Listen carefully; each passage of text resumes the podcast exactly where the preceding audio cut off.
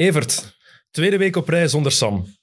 Gaat het nu terug wennen worden als hij hier terug zit, of is het meteen terug het oude stramien? Kijk, eh, ik heb daarnet al een eerste telefoontje gepleegd naar Telenet, dat deze situatie me eigenlijk wel bevalt. dus ik denk dat we daar deze week toch eens moeten gaan over praten met de bazen. Uh, het was KV Mechelen Anderlecht afgelopen weekend. Ja, gast. en je had tot zaterdag, je had zaterdag tot acht uur om te reageren op Sam zijn voorstel voor een weddenschap. Ja. Maar ik heb gehoord dat je er niet op bent ingegaan. Kijk, Sam had voorgesteld dat hij één truitje mocht kiezen uit mijn collectie.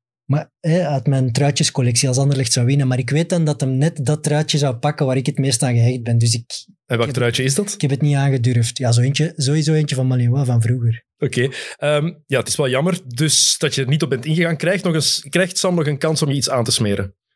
Ja, we zullen, we zullen iets verzinnen bij play-off 1. Hè. Als Anderlecht daarin zit en ze worden geen kampioen, dan kunnen we daar nog wel iets aan vasthangen. eh, ik moet toch een klein beetje de eer van Sam hoog houden. Dus ik wou je iets laten aandoen. Blijkbaar hebben we dat weggegeven. Dus we hebben wel iets anders dat je mag aandoen dan vandaag.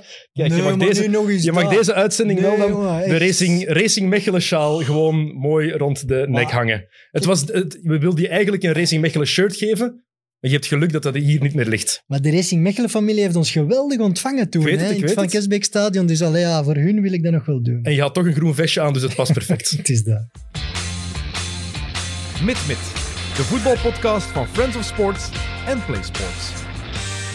Welkom bij Mit Mit, de wekelijkse voetbalpodcast van Friends of Sports en Play Sports. Nog altijd geen Sam Kerkhoffs. Die heeft vorige week de dag na de opname toch positief getest. Dus die zit nog altijd in quarantaine. En je gaat het voor één keer nog met mij mogen doen. En voor één keer hebben we ook geen profvoetballer in eh, onze studio. Te gast wel een eh, ex-voetballer die dezelfde jeugdopleiding heeft genoten als Raja Nangolan.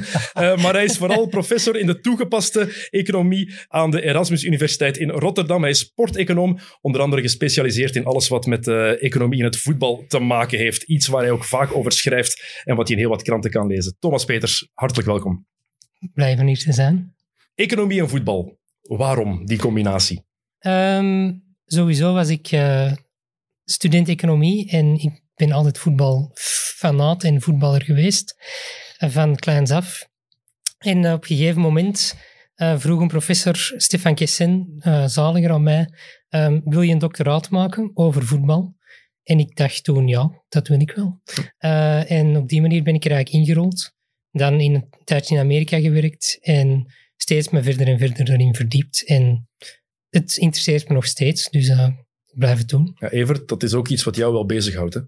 Ja, ik denk dat is iets, eh, als we het hebben over het Belgisch voetbal, waar dat naartoe moet, wat de problemen zijn, dan gaat het eigenlijk vaak over alles wat niet op het veld gebeurt. Alles wat daar rond gebeurt in de bestuurskamers, in de jaarrekeningen, het geld dat in ons voetbal omgaat. Dus ik ben heel benieuwd naar de aflevering van vandaag over wat we daar kunnen blootleggen en of dat we eventueel verbeteringen kunnen aanreiken aan het Belgisch voetbal. Want dat is ook onze taak, vind ik, als fans, om te zien hoe het beter kan. Ja, voor we het echt gaan hebben over hoe we het Belgische voetbal kunnen redden, om het een beetje overdreven, een beetje overdreven te zeggen. Ja, maar Thomas, waar ben jij nu vooral mee bezig op dit moment? Ehm, dus zoals je zei, ik werk op de universiteit, dus ik moet daar ook lesgeven. Ehm, dus ik geef onder andere een vak sporteconomie. Ehm, voor wie geïnteresseerd is, je moet wel eerst drie jaar gewoon economie studeren om dat vak te kunnen Oei, kiezen. oei. Dus dat kan de enthousias, het enthousiasme wat temperen, denk ik. maar dan... eh, Hij kijkt naar u, Dennis. Ja, ik ben intern al lang afgehaakt op dat vlak, hoor. Ehm, maar dus voor de rest denk ik, eh, als ik, we hebben lesgeeftijd en onderzoekstijd. In mijn onderzoekstijd eh, houden wij ons bezig dus met onderzoek naar economie van professionele sport. Eh, een heel groot project gaat over waar we alle jaarrekeningen van alle clubs in Europa proberen bij elkaar te brengen en te vergelijken eh, en vergelijkbaar te maken. En in een ander groot project op dit moment kijken we naar de internationale mobiliteit van voetbaltrainers. Dus eh, wie gaat naar waar? En gaan de beste trainers ook naar waar ze het meest waard zijn voor de clubs? Ehm, en dat is eigenlijk een beetje ja, het soort onderzoek dat wij. Dus jij kunt voorspellen wanneer het voor Wouter Franke tijd is om een stap te zetten naar een betere ploeg. Ehm, ik heb, ja, Ja, dus. we zouden daar iets over kunnen zeggen. Ehm, het, het- wat wij vooral bekijken is van, als je een andere rivaliserende club bent van KV Mechelen, op welk moment weet je eigenlijk genoeg over Wouter Franken om te zeggen, die man eh, die zit daar waarschijnlijk aan een te laag loon te werken en we halen hem tot bij ons. Dus na x aantal wedstrijden, x aantal data, weet jij genoeg van nu Philippe Clement die naar Monaco was, dat was echt tijd dat die man vertrok. van, Clim- van Philippe Clement kon je wel weten op basis van de wedstrijden en het aantal wedstrijden en de, de lengte van zijn succes dat hij iets beter kon dan de gemiddelde coach in België waarschijnlijk. En dus op die manier is het dan wel logisch dat er dan... Dat is vaag. die- Ja, dus je... Ik dacht dat je met winstpercentages Ja. en gemaakte doelpunten Nee, nee, ging dus komen. zo, zo Ah, berekenen we het. Hè. Dus we kijken naar elke wedstrijd die Philippe, die Philippe Clement ooit gecoacht heeft. We kijken wat de beide ploegen spenderen aan spelers. En we kijken naar thuisvoordeel en, en het belang van de wedstrijd en zo. We laten daar een, een econometrisch model op los, dus een statistisch model. Dan komt er van elke coach in Europa een bepaald ehm, talentvariabele, zou je het kunnen noemen, uit. Eh, die, rank, die ranken we dan. We kijken wie is significant beter dan wie. Ah, En zo voorspellen we waar die mensen naartoe gaan dus eh, in hun volgende club. clubs zijn zeer geïnteresseerd om dat in te kijken. Ehm, ja en nee. Het nadeel van onze methoden is altijd uh, academici hebben tijd en clubs niet. Dus, dus wij vinden het prima dat onze dataset stopt in 2018 bijvoorbeeld nu. Maar de meeste clubs willen natuurlijk... eh, en wij kunnen niet volgen met het tempo Ah, ja. waarop dat... Bijvoorbeeld er zijn bedrijven zoals eh, Infostrada vroeger en eh Ortex Sport die, die dat soort van up-to-date dingen wel Ah, doen. ja. Maar dat is een, dat is een, een fulltime job die ik niet bij mijn fulltime job kan bijdoen op Ja. dit moment. Dan zou je moeten stoppen met lesgeven. Eh, dat is, dat is een, ik wil met die mensen de concurrentie niet aangaan, dan, dan kies je ook niet meer wat je doet en wij doen dat. Je zou wel, misschien wel meer geld kunnen verdienen in die voetbaldata. Eh, ja, ik ben waarschijnlijk jullie armste gast ooit. Eh, dat, dat heb ik mij wel al gerealiseerd. maar eh, ja, Oké. Oh. don't judge me. Zelfkennis is het begin van alle wijsheid. hè. Oké, er is veel om over te praten. eh, dus wij hebben een hele reeks stellingen opgesteld. Waar we het niet per se zelf mee eens zijn, maar die interessant zijn om eh, te, ja, te bespreken. Met de achterliggende vraag: hoe dood is het Belgische voetbal en hoe kunnen we het beter maken? Valt het nog te redden? Dus we gaan misschien meteen met de actualiteit beginnen. Ja. Hè? Eh, propere handen. Propere handen zal niets veranderen. De KBVB heeft daar geen baat bij. Zeg maar wat jullie vinden. Eh, ik denk dat ik het daarmee eens ben, sowieso. Ik heb dat ook gelezen in het opiniestuk dat Thomas had geschreven van... ehm, er zijn heel veel clubs gemoeid bij propere handen, ook heel veel topclubs. En de KBVB is natuurlijk gebaat eh, bij het feit dat die topclubs niet gestraft worden, omdat die moeten blijven voetballen, want die brengen geld op voor hun organisatie. Dus als zij hun eigen clubs gaan straffen, schieten ze in hun eigen voet. En dat is het probleem in Belgisch voetbal, denk ik, dat de KBVB ehm, betrokken partij is en ook de rechter speelt in deze. En dat kan al niet. Dat is al bijvoorbeeld, vind ik, één fout. Daar, daar ben ik het mee eens. Het voordeel, en het voordeel het, en het nadeel is natuurlijk dat er hier echt illegale dingen gebeurd zijn. En dat dus ook het echte gerecht zich hier nu mee moeit. Uh, en dat, dat is natuurlijk wel onafhankelijk. Het is een voordeel voor de gerechtigheid, maar een nadeel voor het het nadeel voetbal. voor het voetbal op korte termijn. Nee, maar op lange termijn is het natuurlijk goed dat iedereen beseft van oké, okay, als er hier dingen gebeuren die niet kunnen, hangen er ook echt consequenties aan vast. Um, dus de gerechtelijke molen, voor het nadeel daarvan is dan weer, die draait zodanig traag, dat wij, ik denk als, als je een voetbalcompetitie wil runnen, moet je sneller kunnen ingrijpen dan nu, hè, gaan we nog naar inbeschuldiging dan eventuele procedures, veroordeling, beroep, vijf à tien jaar na de feiten, kunnen we dan met die uitspraken aan de slag? Ja, dat is natuurlijk veel te laat. Dus wat is de oplossing dan?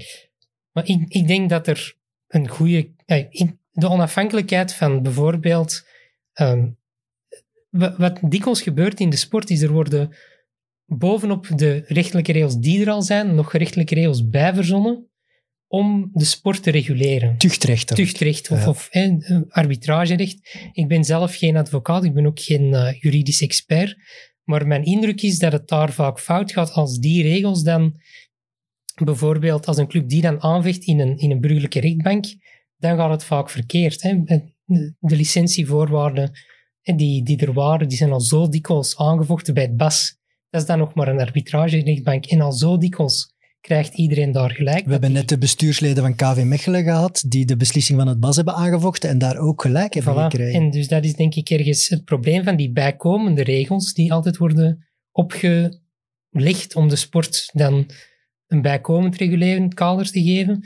Daarom zou ik zeggen, het zou beter zijn als de overheid, die eigenlijk als onafhankelijke echt kan optreden, en niet per se de Belgische overheid, ik kijk eigenlijk vooral naar Europa op dat vlak, om eigenlijk te zeggen van dit is het kader waarbinnen sport moet werken. Maar op dit moment kunnen de clubs eigenlijk, ze kunnen bestraft worden, maar het gaat niet gebeuren. Hè. En ik denk dat de, Straffeloosheid. Voilà. En ik denk Sportieve dat- En ik straffeloosheid. denk dat de clubs dat ook zelf weten. Dat Tuurlijk. ze zich geen zorgen Ja. moeten maken.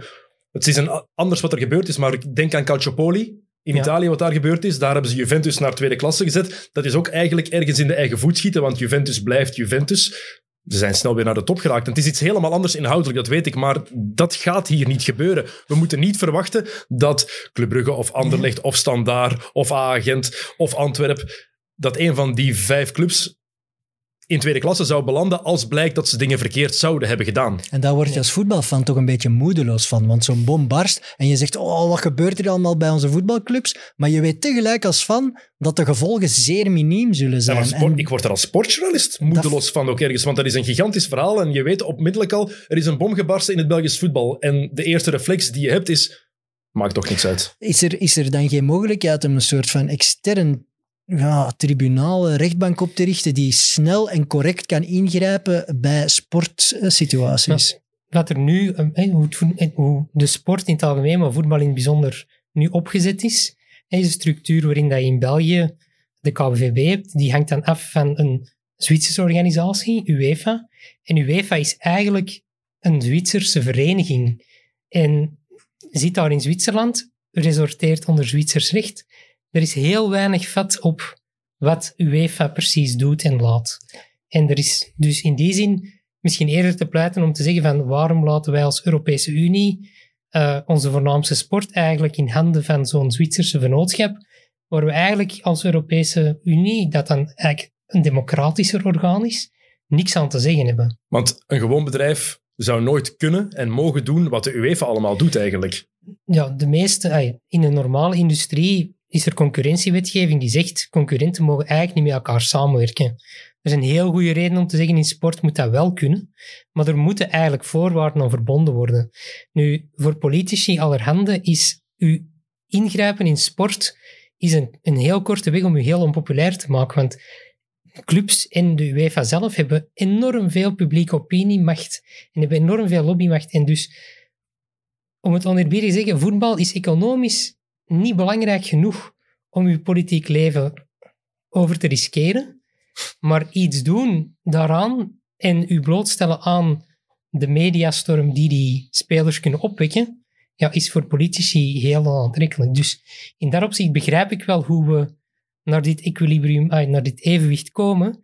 Maar het is wel heel jammer. En het is vooral op Europees vlak, denk ik dan, zou je kunnen vragen aan de Europese Commissie en aan het Europees kader. Nu zegt de Europese Unie, eh, sport heeft een Europees specifieke eh, benadering nodig. Maar wat die precies is, daar zegt niemand wat over. Dus de Pro League bijvoorbeeld heeft eigenlijk vrij spel in het bestraffen en belonen van zijn clubs. En dat is toch niet gezond? Nee, en maar dat, dat zou je dus kunnen proberen aan te pakken door te zeggen van kijk, Pro League, jullie mogen van ons allerlei uitzonderingen op concurrentierecht hebben. Eh, jullie mogen samenwerken over tv-rechten, jullie mogen samenwerken over... eh, jullie mogen bijvoorbeeld afspraken maken over wie wiens werknemers mag aanwerven via het transfersysteem. Jullie krijgen al die rechten, maar daar hangen die en die en die voorwaarden aan momenteel hangen aan de meeste voorkeursbehandeling die de sport, en maar voetbal in het bijzonder, krijgt, heel weinig voorwaarden. De Europese Commissie heeft ergens wel eens gezegd eh tv-rechten collectief verkopen moet in dienst staan van de solidariteit. Maar nooit gecontroleerd of dat ook effectief gebeurt. Om dat maar als voorbeeld te geven. En om, om dan terug te kijken, terug te gaan naar propere handen, want ja, daar begon de stelling eigenlijk. Ehm, moeten wij ons er dan als fan en als voetbal bij neerleggen dat als er mistoestanden zijn in ons Belgisch voetbal, dat er niks verandert? Maar ik zeg, eh, ik, ik, ik vind absoluut van niet. Maar ik denk dat het enige wat je kan doen op dit moment is hopen dat het gerecht zijn werk doet. Je vindt van niet, maar jammer genoeg moeten we ook wel eerlijk zeggen, het verleden heeft bewezen dat Evert gelijk heeft. Voorlopig. Als we afgaan Voorlopig, op wat er gebeurd is, Ja, ja, in het verleden, dan kan je niet anders dan denken wat Evert zegt. Dat klopt. Maar ik zou er Zuur. Ja, ik vind ook... eh, Maar we zijn nog geen kwartier verder, dus het is al re- redelijk deprimerend. Oké, goed, volgende stelling. Volgende stelling. De grote clubs hebben te veel macht in ons voetbal. En we hebben het even alleen over het Belgisch voetbal ja, in dit dat geval. is goed. Ehm, ja, in, in zekere zin ook weer hetzelfde fenomeen dat we er net al besproken hebben. Wie zorgt ervoor dat onze competitie bekeken wordt? Wie zorgt ervoor dat... eh, welke clubs hè, dragen daartoe bij? Vinden ze ook vooral wel zelf. Dat zijn de grote clubs. En doordat bijvoorbeeld een onderhandeling over tv-rechten gebeurt tussen alle clubs, en die gebeurt met de messen op tafel eigenlijk. Er wordt enkel en alleen gekeken van, krijg ik hier mijn deel terug? Er is niet, geen enkele onafhankelijke partij die op dat moment kan zeggen, dit is waarin het beste is voor het Belgisch voetbal. Iedereen zit daar. De Pro League is gewoon een clubje van mensen die, ja, die daar zitten om hun eigen belangen te behartigen. En dat is ook logisch, want dat is gewoon ook een conglomeraat van, van bedrijven eigenlijk. En in dat opzicht hoeft het niet te verwonderen dat als je het zo organiseert, dat dan de sterkste spelers rond die tafel ook hun zin krijgen. En dat is wat je, denk ik, eh, in heel veel dossiers ziet. Maar, dus we praten over de G6 en dan de K12, en zo wordt dat dan in België genoemd. Ik vind dat afschuwelijke benamingen. Maar waarom laat de K12 zich altijd rollen in die gesprekken? Waarom gaan die uiteindelijk altijd akkoord met die slechte herverdelingen, bijvoorbeeld? Maar ze hebben natuurlijk, ey, ze hebben al wel wat ruzie gemaakt eh, daarover. Ehm, het probleem, denk ik, is voor, voor, ey, in zo'n onderhandeling is natuurlijk altijd, wat heb je als het mislukt? En dat is voor de K12 soms, denk ik, een, ja, een afweging. Een zwaard Stel dat we hier, hangt. ja. stel dat we hier niet meegaan en wij moeten met onze 11 of 10 of 12 eh rechtenhouder portefeuilles naar, de, ja, naar jullie basis stappen eigenlijk. Eh, dan, Ja, oké. Jij dan, zegt dan als de, als de kleine clubs naar eh Play Sports of Eleven moeten stappen, gaan ze veel minder geld ophalen. Dat is wat, ze, wat, wat men denkt. Uit- Iedere club is in principe de juridisch eigenaar van zijn eigen thuiswedstrijden. En daar begint het eigenlijk al mee. Die thuiswedstrijden zijn natuurlijk niet allemaal evenveel waard voor rechtenhouders. Nee. En vanuit die positie begint die onderhandeling. En dan worden dingen toegevoegd, zoals inderdaad verschillende clubs met verschillend aantal stemmen in die vergadering en zo verder. Waar je dan van kan zeggen van, ja, is dat dan ook nog nodig? Mm. Ehm, Is de ook- commerciële meerwaarde van een Club Brugge eh, waard dat ze veel meer te zeggen hebben over andere clubs? Ik vind dat een beetje een fout systeem, Ja, toch? akkoord. Dat, ehm, ja, dat is inderdaad een fout systeem. In die zin het, denk ik niet dat je tot de beste oplossing komt, maar als er, als er daar geen... ehm, als er daar geen onafhankelijke partij in onderhandelingen is die zegt van daar moeten we naartoe en dat is voor ons allemaal beter. En die, die is er momenteel niet. Allee, de, grote wij- clubs, de grote clubs kunnen ook niet zonder de kleine clubs. Je hebt gelijk, Tuurlijk. inderdaad, de kleine clubs Ja. de hebben veel minder leverage dan de, dan de grote hebben. Dat is maar al, begrijp ik helemaal. Maar zonder de kleinere clubs, ja, wat ga je doen? Een competitie met zes ploegen organiseren? Dan heb je er ook, daar Nee, heb je ook dat niks klopt, aan. Dat klopt, maar iedereen heeft er baat bij dat die onderhandelingen uiteindelijk lukken. Hè? Dus, en dat, dat gebeurt ook altijd met hangen en wurgen op een of andere manier. Maar is dat niet het probleem? Dat, het, dat je erbij moet zeggen, op een of andere manier? Ja, ja. Het is logisch natuurlijk, dat weet ik ook, maar het, het wringt een beetje. En brengt me eigenlijk meteen bij mijn volgende stelling, kunnen we erbij betrekken. Ehm, de grotere clubs krijgen meer tv-geld en dat is complete onzin. Klopt, ja. Ik, ik, ik- het is, dus er zijn twee dingen hier. Hè. Van de ene kant zeg ik, dit is hoe het komt. Dat is niet hetzelfde dat ik het ook oké vind. Hè. Dus dat wil ik wel even...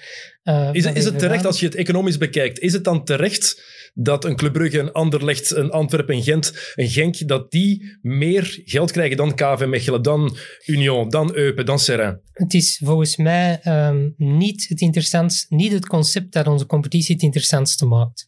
Voilà. Je zou een Dat is al een gemakkelijker, belangrijke. een, een betere Belgische competitie kunnen organiseren als je die rechten eerlijker of, eerlijker of in elk geval gelijker verdeelt.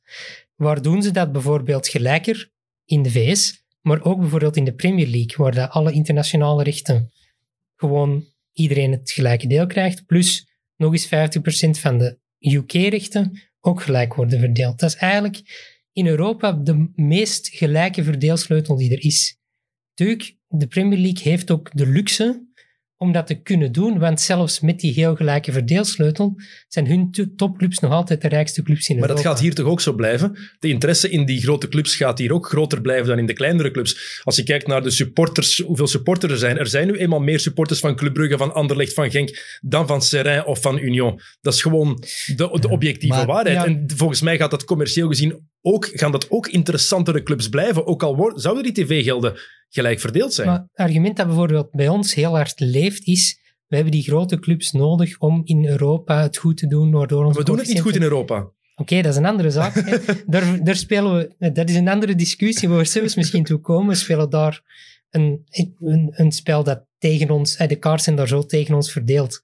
Dat kan niet. Ongelooflijk. Dat is een marginale rol. Dat is, Ja, absoluut. Dat is, hè, dat is geweten. Maar toch speelt, en dat zie je ook in die discussie over die fiscale voordelen weer tegenkomen, waar is het argument dat gebruikt wordt? Onze positie in Europa gaan we verliezen. En dat is ook hier. Hè. Neem van Club Brugge en van Genk en van Anderlecht die verhoogde tv-gelden af. En onze vertegenwoordigers op het Europese toneel hebben minder geld. Dat is iets wat in de Premier League eigenlijk bijna niet speelt. Want hun vertegenwoordigers in Europa doen het wel sowieso goed. Spanje is bijvoorbeeld ook naar een collectieve deal gegaan een aantal jaar geleden. Een deal die nog altijd Barcelona en Madrid veel meer geld oplevert.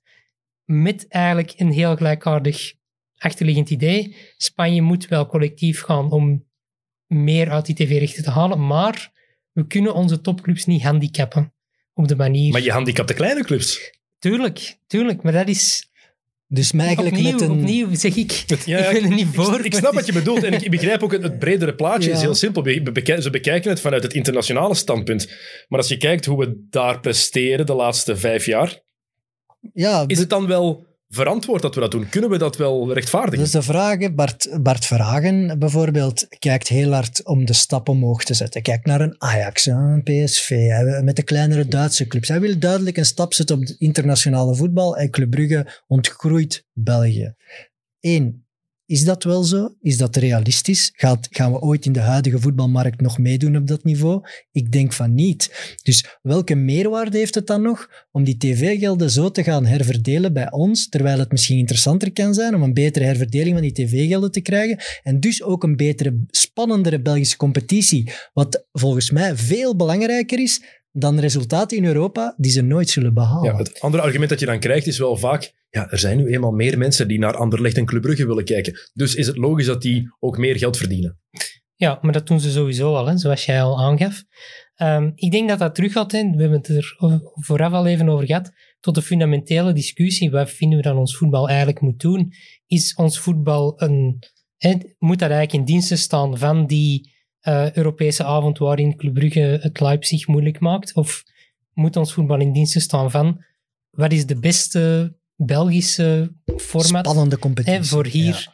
voor onze lokale fans eh, te bedienen? Dat tweede toch? Daarvoor is de Pro League er toch? De Pro League is er niet om een UEFA-competitie te gaan ja, bespelen. maar van de andere kant is dat UEFA-kader er natuurlijk wel. En UEFA heeft dat kader ook op zo'n manier ingericht dat het voor onze clubs per definitie bijna onmogelijk is om daarin mee te doen. Tuurlijk. Wat een dubbel negatief effect heeft. Zowel de UEFA-competitie is niet meer spannend doordat er kleine en grote landen zijn die niet met elkaar kunnen concurreren, eigenlijk. En elke kleine competitie heeft hetzelfde probleem. Ajax in Nederland, bij met Club Brugge. En, en dat probleem is dan eigenlijk dominantie nationaal om dan, en ook door die Europese campagnes. Dominantie nationaal, maar een marginale rol Europees. Dus je hebt langs beide kanten voor de consument het minste resultaat. Want je Belgische club is niet competitief in Europa, maar de Belgische competitie is totaal niet spannend. Hmm. Dus dat, dat, dat- iedereen voelt toch, elke fan voelt toch dat dat systeem niet houdbaar is, want de fan gaat afhaken op Maar- dat maar systeem. Kijk naar het financieel verschil. De, de budgetten van Club Brugge en Serrain. Ja. Jij hebt, jij hebt die opgeschreven. Wat was het? Eh, Club Brugge heeft een budget van 90 miljoen, Serrain van 4. En dan gaat Club Brugge, krijgt er ook nog eens meer tv-geld dan Serrain. Een pak meer. Ja, Ja. Dan is het toch... Er zit totaal geen evenwicht in. Ik volg Evert dat wel een beetje, eerlijk gezegd. Ja, maar ik ook. dus eh, ik denk niet dat we Come daar- on! ik denk niet dat we het daarover oneens zijn, dat er daar stappen te zetten. En de reden dat die stappen niet gezet worden, is omdat we ook aan een aantal dingen willen vasthouden, die we als traditionalisten in ons voetbal... hè, bijvoorbeeld de Super League hè, het, is een, het is een scheldwoord, maar het is wel een systeem dat de kiemen in zich draagt om een aantal dingen op te lossen die nu verhinderen dat, zo'n, eh, dat, dat die herverdeling er komt. Bijvoorbeeld, eh, we zijn allemaal heel blij met promotie en dalen, maar dat is wel een systeem waarin je heel veel circulatie hebt aan de bodem van je competitie. Een reden waarom dat in, in Amerika wel die solidariteit met die bodemclubs wordt ge, ja, inge- ingevoerd, is dat iedereen weet, uiteindelijk ben ik safe. Maar het is wel een systeem waar de bazen in de Amerikaanse sport jaloers op zijn. Adam Silver, commissioner van de, van de NBA, de grote baas, die kijkt met jaloezie naar het systeem in Europa dat je kan stijgen en De dalen. sportieve spanning is er wel. Sportieve Dat spanning. Je hebt constant iets om, om voor te spelen. Kijk nu naar het NBA-seizoen. We zijn halfweg, iets over 40 matchen van de 82. Dan is er veel van de spanning even uit, omdat je op dit moment gewoon zit. Terwijl als er iets is om voor te spelen, je kan stijgen, je kan dalen, dan is dat vaak iets anders. En ik weet dat ze daar wel jaloers op zijn, maar puur economisch gezien zorgt het wel voor een geruster gemoed bij de eigenaars natuurlijk. het, is een, het is een keuze die je moet maken. En in Europa worden er veel keuzes gemaakt die zorgen voor extreme sportieve concurrentie.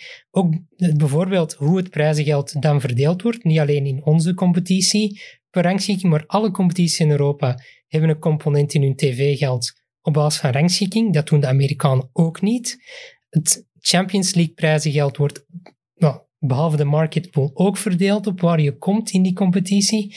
Zorgt er allemaal voor dat clubs eigenlijk zich pas kunnen, ja, dat commercieel en sportief succes enorm hand in hand gaan in het Europees voetbal. Wat ook wil zeggen dat als je toevallig dat commercieel en dat sportief succes om verschillende redenen niet haalt, dat je een commerciële ramp tegemoet kan gaan. En dat is natuurlijk Ja, ik waar ben, dat aan dus die het- eigenaars eh, ja. bevreesd voor zijn. ik ben aan het nadenken hoe dat je die, die topclubs in ons huidig voetbal zou kunnen overtuigen om, om, om te kijken naar het globale Belgisch voetbal en dat plaatje. En dat het voor hun interessant kan zijn om zwakkere ploegen sterker te maken en breder te dat kan je alleen maar doen als Hoe kan je ze overtuigen? door te zeggen, op termijn gaan jullie er wel meer aan verdienen. Alles draait om geld. Hè? En als ze er, ah, dat is mijn redenering tenminste. Als je hen niet kan verzekeren Maar door de kleinere clubs groter te maken, gaan jullie er op termijn ook profijt uithalen, gaan ze toch nooit mee willen. Ja, Hoe ik kan denk, je- denk dat er kan daar je dat financieel hard maken? Ja? er is zeker iets voor te zeggen dat er, hè, dat er een interessantere competitie kan zijn als iedereen gelijkere middelen heeft.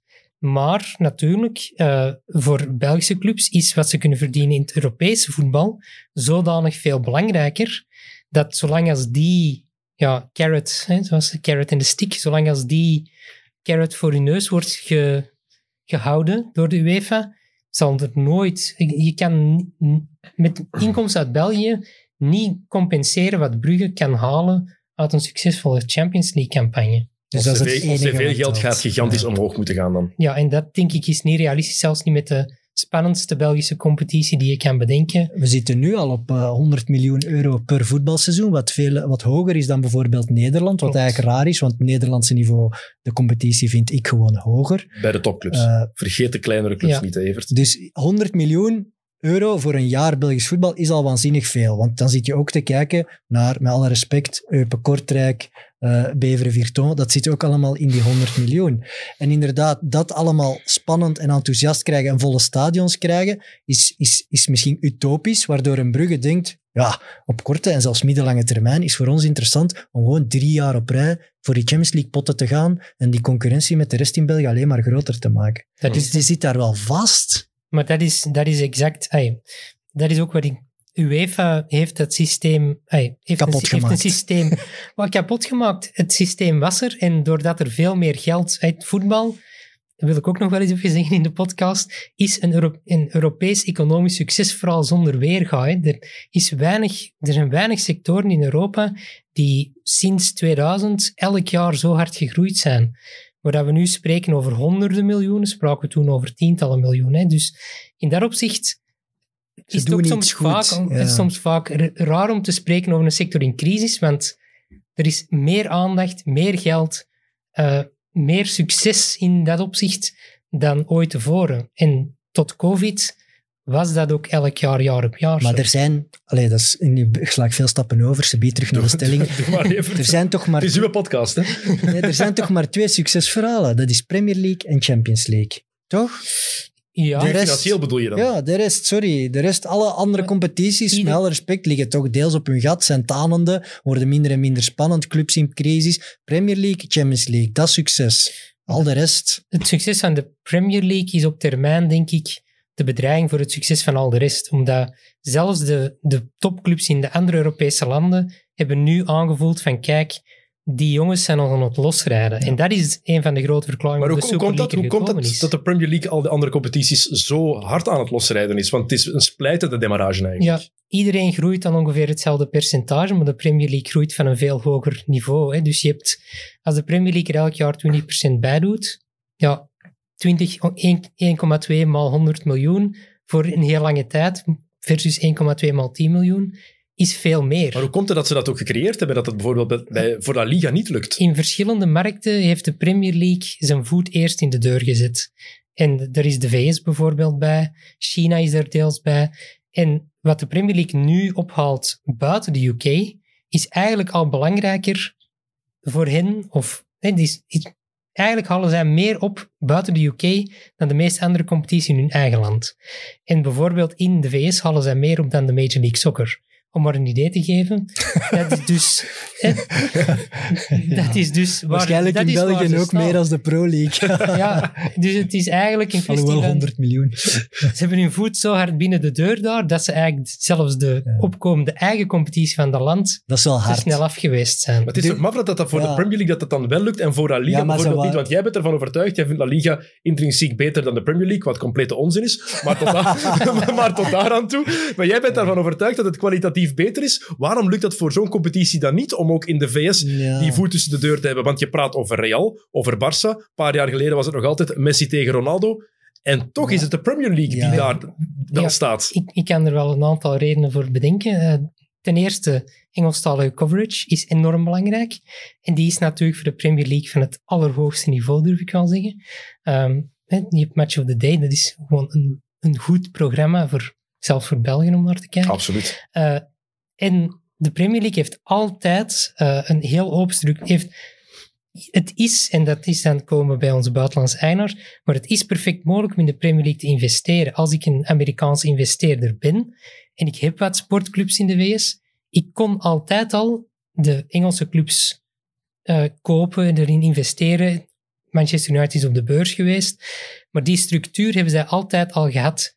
Vanaf 1950 kunnen wij terug gaan de jaarrekening opvragen. Toen waren ze ook al public limited com- companies. Dus die hebben geen, eigenlijk nooit echt zich verzet tegen dat idee van voetbal is, is een business. En dat voor een Amerikaanse logica is dat perfect, want in de VS is er eigenlijk geen discussie over. Die sportclubs, dat is business. Sport Kijk, is kijk, naar, business, ja, ja. kijk naar de clubs. Arsenal is van de Crankies. Eh, Man United is van de Glazers. Ehm welke topclubs nog in handen van, eh van Amerikaan? Tottenham Hotspur. Crystal Palace. Tottenham, Palace. Je hebt zoveel clubs die, in eigen, Ja. die eigendom zijn van Amerikanen. Liverpool is van de Fenway Group. LeBron James is mee eigenaar van Liverpool. Ja. Om maar te zeggen, Ah, wel, maar dan is het toch ergens eh ridicuul Allee, eh, om te denken, Mark Koeken, Bart Verhagen, eh, Bruno Venanzi, als je, van waar dat die nog gaat moeten komen, dat die ooit... Wat, wat is het doel op die globale markt voor die Belgische ploegen? Dat vraag ik me toch nog altijd af. Wat, wat denkt Verhagen en Koeken daar te bereiken, te gaan doen, behalve de kloof met de rest van België groter te maken en de nationale competitie een beetje kapot te gaan spelen. Maar internationaal valt er toch niks te rapen als die landencompetities blijven bestaan. Als België België blijft, Nederland Nederland, dan gaan we dit blijven doen en gaan de verschillen tussen KV Mechelen en Brugge groter worden. Wij zullen nog wel kijken, maar de jonge kijker gaat wat afhaken en ondertussen is voetbal tanende en alleen de Premier League gaat ervan profiteren. Wat, wat willen die, Maar- wat wil Koeken, wat wil Vragen? Op, op lange termijn, denk ik, is, is de Premier League... ehm, het, het succes van de Premier League heeft iedereen wakker gemaakt in de andere landen en gezegd van dit kunnen we niet meer bijwerken. En dat is nu wat, wat je ziet. Barcelona heeft nu, en, en, en Real Madrid, hebben nu wat Ajax had in 1999, namelijk het idee van we doen alles goed. Ah, Barcelona het lukt niet. Ja. We doen alles goed, maar we komen er niet meer aan. En dat is een kwestie, en die zijn nu wakker geworden. Hun antwoord is dan geweest om die Super League op te richten. Maar als je nadenkt over, op een heel economische manier, welke competitie kan je organiseren in Europa die het meeste geld opbrengt, ja, dan is het overduidelijk dat dat in competities waarin niet Wolverhampton Aston Villa gespeeld wordt door, een, door twee topclubs. Want dat zijn twee kleine markten. Er zit geen topclub in Praag, in Warschau, in Wenen, in Berlijn zelfs, in Kopenhagen, in Brussel, in Amsterdam, in, en ga zo maar door. In dat opzicht, en dat is ook, en die Super League was een mislukt idee van bij aanvang, doordat ze er eigenlijk volgens mij niet deftig over hadden nagedacht. Maar het feit dat een Amerikaanse bank dat wou financieren, is daarom. Omdat er in Europa wel enorm opportuniteit ligt. Om het nog beter te gaan Om, het, doen. om tenminste die topwedstrijd te laten spelen tussen clubs die in markten zitten, die, die, die veel interessanter zijn dan zes of acht clubs in Londen. En denk je dat dat ergens op een papiertje staat? En ik heb zijn naam al veel genoemd, maar bij Vragen op zijn lange termijnplanning zegt hij van... ehm, voor mij is het niet genoeg om de allergrootste te zijn in een kleinere markt. Nee, hij denkt vooruit. Als er ooit zoiets komt, dan koop ik mijn plaatsje in die competitie en dan zijn we pas echt vertrokken. Ik, weet, ik kan niet het hoofd van Bart Vragen kijken, maar ik zou dat op mijn papiertjes zetten als ik hem was. Ehm, puur als, als zakenman dan. Hè. Eh, en ik denk ook bijvoorbeeld, het was gemakkelijk voor Ajax bijvoorbeeld dat ze niet moesten zeggen hè, dat ze voor of tegen die Super League waren, dat ze niet uitgenodigd waren natuurlijk. Maar eigenlijk eh, is een Eigenlijk zeggen ze uitnodiging meteen ja. zou, zou wel van pas komen. En- Die naam is al veel gevallen, hè? Ajax. Want je, je vroeg daarnet van waarom Zij zijn zou, ah, waarom zou van Koek de of Verhagen, kleinste. waarom Ja. zouden zij zo in willen investeren? Ja, dat is het antwoord, hè? Ajax. Ajax heeft de halve finale van de Champions League gehaald een paar jaar geleden. En daar halen zij miljoenen uit. Hopen te kunnen doen wat Ajax om de zoveel jaren doet. Wat Ajax nu aan het doen is. Als je kijkt, je hebt het net gezegd, eind jaren negentig zaten ze ook in een dal daar. Hè? Er- Ze zijn er Ja. helemaal uitgeklauterd. Is, is dat niet toch altijd het voorbeeld voor onze topclubs Ja, maar waar ze naartoe willen? Dennis, ten koste toch van de nationale competitie. Denk je dat dat voor Willem II, VVV, RKC zo interessant is dat Ajax 60 miljoen krijgt van de Champions League en zij niks? Ja, maar denk, wat, 20 Die eredivisie gaat daaraan kapot, hè? maar 30 jaar geleden was het toch hetzelfde in Nederland? Nee, de verschillen zijn echt exponentieel veel Ze, groter ze geworden. hebben er ook nog een nog ongelijkere verdeelsleutel voor Ja. tv-rechten. Dus dat Ah, echt? Ja, enkel en alleen op prestaties. Ja, maar. Hollanders en hun portefeuille, dat is on- Dus, eh, ongekend. hè? ongekend. Maar het is wel zo, het is inderdaad een soort van voorbeeldclub, maar je merkt zelfs voor die club die eigenlijk, hè, waarvan je kan zeggen van de management zit goed, jeugdwerking zit goed, transferbeleid zit goed, zelfs dan spreken we nog van een mirakel als die de halve finale had. En dat is het verschil. Als je Chelsea bent of je doet Manchester City en je doet gewoon alles oké, dan speel je de halve finale van de Champions League. Als Ajax zijn, dan moet je alles perfect doen. En dat is het verschil. En dat is dus iets waar je... Je kan niet alle jaren altijd alles perfect doen. Maar ik word er wel op zich droevig van, omdat eigenlijk, ik ben een, ik ben een fan van een niet-topclub. Wij, het KV Mechelen, wij zullen nooit structureel voor de Champions League spelen. Wa- waarom zou ik dan fan blijven van de Pro League? Waarom zou ik blijven gaan kijken? Buiten van, het zijn mijn vrienden, het is een gezellig stadion, maar de spanning gaat er wat uit verdwijnen. Ehm, er komen clubs die dankzij financiële doping, maar eigenlijk zonder traditie, plaatsen beginnen innemen de competitie, de landelijke competitie, wordt gewoon niet interessant meer voor mij als fan van een niet-topclub. Moet ik dan ook naar Anderlecht en Brugge gaan, omdat het daar gebeurt? Ehm, als de Super League er ooit zou komen, dan denk ik eh, dat KV Mechelen er waarschijnlijk niet voor zal uitgenodigd worden. Ehm, Dat is maar dat is natuurlijk een, harde voorspelling die ik doe. Hè. Ja. Ehm, maar ik denk dat er dan wel... Ergens is er ook dan wel het idee van... Als we, die, als we die lijn dan ergens trekken, dan kan er ook wel een gezonde... Als we twee Belgische clubs of drie Belgische clubs in die Super League hebben en de rest speelt een gezonde competitie, waarin ook dan natuurlijk de hoop of de, die ge- geldzakken van de Champions League zijn dan ook weg. Dus dan heb je ook ergens het idee van Dan wordt het leuker. dan kunnen we beginnen praten over wat willen we nu met, dit, wat, met wat er overblijft. Dus eigenlijk, als de K12 innovatief en vooruitstrevend is, dan zeggen ze tegen de G6, doen jullie maar, wij beginnen nu al met die leuke, spannende lokale competitie. Maar Kijk. veel van die financiers hebben wel geïnvesteerd, denk ik, om in de Pro League te kunnen zitten en niet om in de K12 te kunnen zitten. Maar alleen maar omdat ze dromen van dat Europese geld. En dat nemen we weg. Ja. Dat schrappen we. En transfergeld natuurlijk, dat heb ik ook nog. Ah, is dat een volgende stelling, Dennis? Het kan er één zijn. Eh een van de stellingen, ik heb er heel veel. Het gaat, het gaat onmogelijk zijn om ze allemaal te behandelen. Ehm, het transfersysteem zou beter ophouden te bestaan. Ja, dat zeg ik, ja. Wat is het alternatief? Het alternatief is dat we gewoon de arbeidsmarkt, eh, en nu gaan we economisch even, Eh, ik weet niet hoe het met jullie contracten zit, maar als ik eh, van werkgever wil veranderen, Dramatisch. dan, dan moeten er geen miljoenen betaald worden. Hè. Dan mag ik gewoon, stel ik heb morgen een aanbieding van een universiteit in, in België, jongens, als je ziet, dan, dan kan ik gewoon vertrekken. En dat is natuurlijk wat je in het voetbal ook zou kunnen doen. Ehm, er zijn voordelen aan het transfersysteem. En dikwijls wordt gezegd, eh, er is een vergoeding voor opleiding op die manier. Er is een vergoeding voor clubs die risico nemen met jongeren. En dat klopt ergens wel, maar als je kijkt wie dat er het meest aan verdient, zijn het eigenlijk niet per se de clubs die die spelers per se opleiden. Het zijn eigenlijk eerder die tweede generatie clubs die een speler hebben, kopen voor enkele miljoenen, maar verkopen voor 60, 70 miljoen. De grote winnaars van de transfersysteem zijn Porto, Benfica, Ajax. Eigenlijk niet de echte, Leipzig, echte kleine Ja, eh, clubs. Monaco, Monaco. eh, toch niet echt clubs. Hè? Dus het idee dat, dat het nodig is voor training te vergoeden ergens, is volgens mij deels waar, maar een beetje overroepen. Geld laten doorstromen naar de kleine clubs niet zo heel veel. En wat ik ook zou aanstippen als een groot nadeel is, veel grote clubs zijn echt spelers aan het hoorden. Die hebben enorm veel spelers onder contract om net te vermijden dat ze die ooit moeten voor een grote transfersom binnenhalen.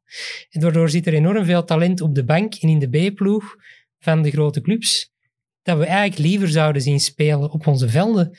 En als die spelers bij ons zouden kunnen spelen en op het einde van het jaar gratis naar Chelsea vertrekken, dan zou Chelsea de neiging niet voelen om die spelers al op 22 aan te trekken voor dan in de B-elftallen en uit te lenen in satellietploeg enzovoort. Maar denk je dat er zoveel jonge gasten dan ook zouden blijven effectief? Want het blijft nog altijd een grote club. En ook als die gewoon al interesse tonen, als je 19 jaar bent en je droomt van een, van een topcarrière, het blijft wel heel aanlokkelijk. Je moet heel sterk zijn om daar niet op in te gaan, denk ik. Nee, oké, is, maar- blijven ja. ze nu?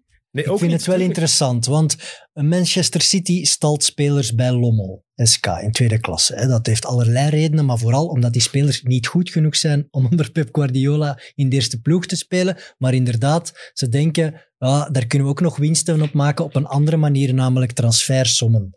Dus ze stallen die bij Lommel. Maar als die speler inderdaad, als daar geen transfersommen in het achterhoofd zitten en die kan kiezen op dat moment tussen je kan een, contract tekenen voor twee jaar bij KV Mechelen of je kan een contract tekenen voor twee jaar bij Lommel, dan wil ik het wel zien wat hij kiest hoor. Maar nu gaat hij naar Lommel, want die zit onder de Citigroup. En City pakt daar risico en zeggen we gaan er... Hè, wij. Maar als die voor KV Mechelen kan kiezen in plaats van voor Lommel hetzelfde contract, dan kiest hij toch altijd... Dus je krijgt veel betere concurrentie. Je krijgt namelijk sportievere concurrentie. En, en Manchester City subsidieert dan eigenlijk het loon van die spelers, Tuurlijk. omdat ze weten, zo sparen wij transfersommen uit in de toekomst. En, of kunnen wij nog transfersommen recupereren. En dat maakt die, de spanning weer in een lokale, kleinere competitie, die niet de Premier League is, namelijk de Jupiler Pro League, kapot. Want je krijgt ploegen die veel betere spelers ter beschikking krijgen, maar daar eigenlijk het financiële risico niet voor nemen. Want dat, dat neemt de grote club. En nog bijkomend zou ik nog iets durven zeggen hier. Als je, stel dat ik het idee heb van, kijk, ik heb, eh, ik heb hier een club, een traditieclub, en ik wil die terug naar de top brengen. Ehm, waarom kost dat eigenlijk zoveel geld? Waar heeft Manchester City bijvoorbeeld, waar hebben die nu al dat geld aan moeten spenderen? Grotendeels aan transfersommen. Dus eigenlijk, wat hebben die gedaan? Die hebben een heel aantal subtopclubs en topclubs in Europa gesubsidieerd, hebben eigenlijk enorme bedragen daar moeten neertellen aan de clubs die op dat moment al dominant waren, om die spelers daar weg te krijgen, die daar onder contract lagen. Dus eigenlijk is het transfersysteem op die manier ook een soort van entry ticket dat je moet, als je echt bij de top wil, als je Paris Saint-Germain achterna wil, dan kost het je waarschijnlijk enkele miljarden aan transfergeld. Miljarden die je, die je weggeeft aan Barcelona onder andere, namelijk aan de topclubs die er al zijn. Ja. En dat is dus iets wat volgens mij ook niet echt. Ja, de, wij hebben er onderzoek naar gedaan. En wie wordt daar nu eigenlijk echt beter van en wie, wie betaalt er nu het meest? En natuurlijk, degenen die het meest betalen, die kunnen we wel opnoemen. Maar degenen die er dus beter van worden, zijn dus niet de KV Mechelens van deze wereld. Of zelfs uh, degenen die dan per, per toeval... En, en het probleem met transfers is ook, je beloont mensen die goed opleiden niet voor een goede opleiding alle jaren. Je beloont ze enkel als ze een goudklompje vinden. En dat is dus niet per se het, het geval. je kan heel goed opleiden en toevallig geen Kevin de Bruyne hebben. Hoe groot is de kans dat het effectief zal veranderen? Dat ze dat durven doen? Heel, heel klein, want het probleem is hier ook, iedereen weet nu hoe het systeem werkt. En veel Belgische clubs denken, wij hebben het transfersysteem nodig om de rekening te doen kloppen. De rekening doen kloppen is natuurlijk een relatief begrip, want waarom klopt de rekening niet? Omdat de loonsom zo hoog ligt. het is toch een vicieuze cirkel? Dus iedereen, inderdaad, hè, als iedereen zijn lonen wat zou laten dalen, dan kloppen iedereen zijn, zijn, rekeningen terug. Dus in die zin, stopt minder geld in het voetbal en laat de lonen dalen en alle rekeningen kloppen ook terug net zo weinig als nu. Ja, dus in dat, opzicht...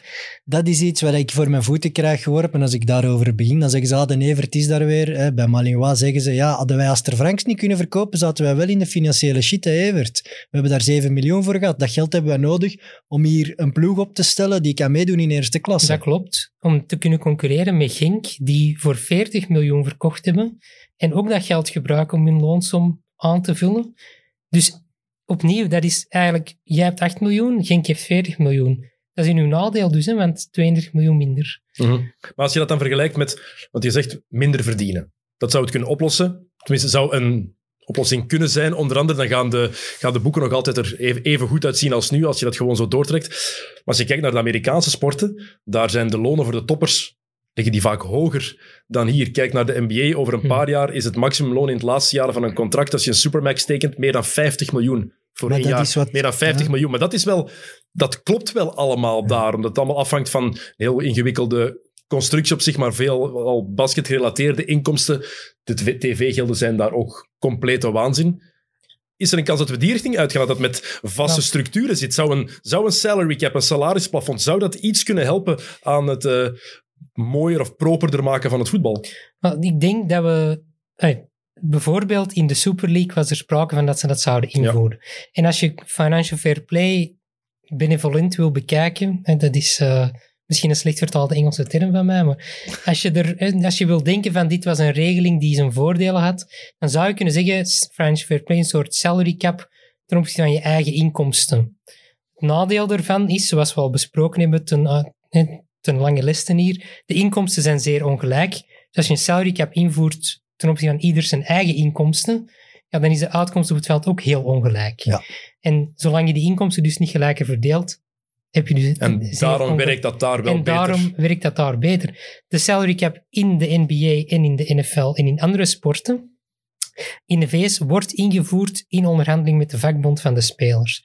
Dat heeft een heel specifieke reden, namelijk alles wat je met de vakbond van de spelers afspreekt als eigenaars, is sowieso uitgezonderd van concurrentiewetgeving in de VS.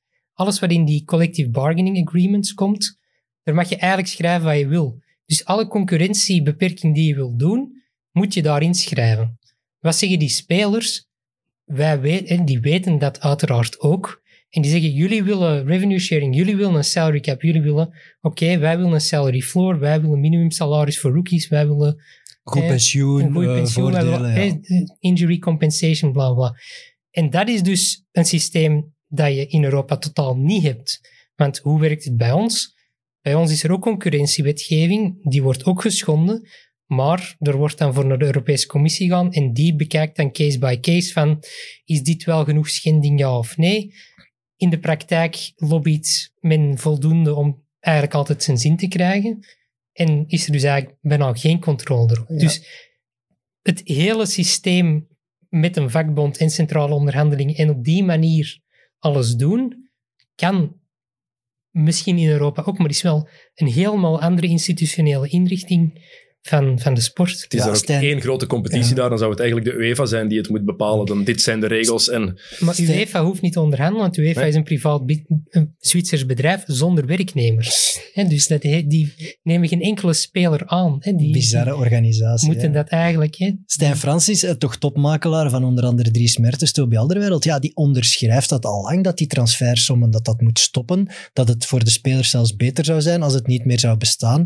Ehm, en dan wordt er in België de perceptie bijvoorbeeld van de wet 78 is heel negatief. Dat is van, als je dat als speler Ja, begint te dreigen, dan ben je een schande. Terwijl eigenlijk komt die op voor hoe het zou moeten zijn, Ja, voor de rechten die elke is- mens heeft. dat is gewoon arbeidswetgeving. Ja. Ja. Dus we kunnen daar toch niet meer tegen zijn. En het is wat jij zegt, de transfermarkt zorgt voor, eh, allee, voor minder concurrentie onder de voetbalploegen. Dus als fan moeten we daar ook tegen Maar dat is zijn. gewoon heel vaak zo. Dat is gewoon het hart dat dan spreekt vaak. Evert, het supporterschap. Van, "Ai, jij wilt weg van mijn club. En je wil er alles aan doen. Zelfs zo'n wet gebruiken om weg te gaan. Veel supporters, denk ik, en zelfs journalisten, nemen dat persoonlijk. Terwijl het eigenlijk, zoals jullie zeggen, gewoon de normaalste zaak van de wereld is dat je zegt van ja, ik wil eigenlijk gewoon bij een ander Ja. bedrijf gaan werken. Terwijl Daar komt het op neer. Terwijl eigenlijk, en ik, ik, leer weer heel veel bij, maar het is inderdaad waar. Er zijn bepaalde clubs die veel meer profiteren van de transfermarkt. En dat zorgt weer voor een onevenwicht in onze Pro League. Namelijk inderdaad, KV Mechelen kan door minder eh, Europese exposure en andere dingen minder geld vragen voor zijn spelers. Genk en Brugge, Anderlecht kunnen meer vragen. Dus zij krijgen weer meer geld binnen, wat ze weer in die ploeg kunnen stoppen. Dus als je meer concurrentie wil, een spannendere competitie, schaf dat al af en je gaat al eh, de budgetten dichter bij elkaar Want als krijgen. er Franks bijvoorbeeld, ik vraag me af wat bijvoorbeeld Club Brugge daarvoor, of Racing Genk daarvoor gekregen Zeker het dubbel. daarbij gespeeld Zeker het dubbel. Voilà. Dat, dat is toch zo scheef als iets? Dus als een speler eh, met de wet van 78 dreigt, ga ik applaudisseren vanaf nu en ga ik zeggen, ja, maar dan moet hij van Brugge en Genk en Anderlecht dat ook Ik beginnen wil, doen. ik wil er twee dingen over zeggen. Ten eerste, het is wel zo, dat, en dat is uniek voor voetbal, denk ik, als voetbalclubs als bedrijven. Geen enkel ander bedrijf heeft op, in zijn jaarrekening eh, de contracten van zijn werknemers staan als een post. En dus je hebt, als je een registratierecht hebt van een speler die bijvoorbeeld 10 miljoen euro gekost heeft, dat zijn activa op de jaarrekening van de club. Dus in onze clubs, hun, als je kijkt van wat is de club waard, heel veel van de waarde die erin zit, zijn spelerscontracten.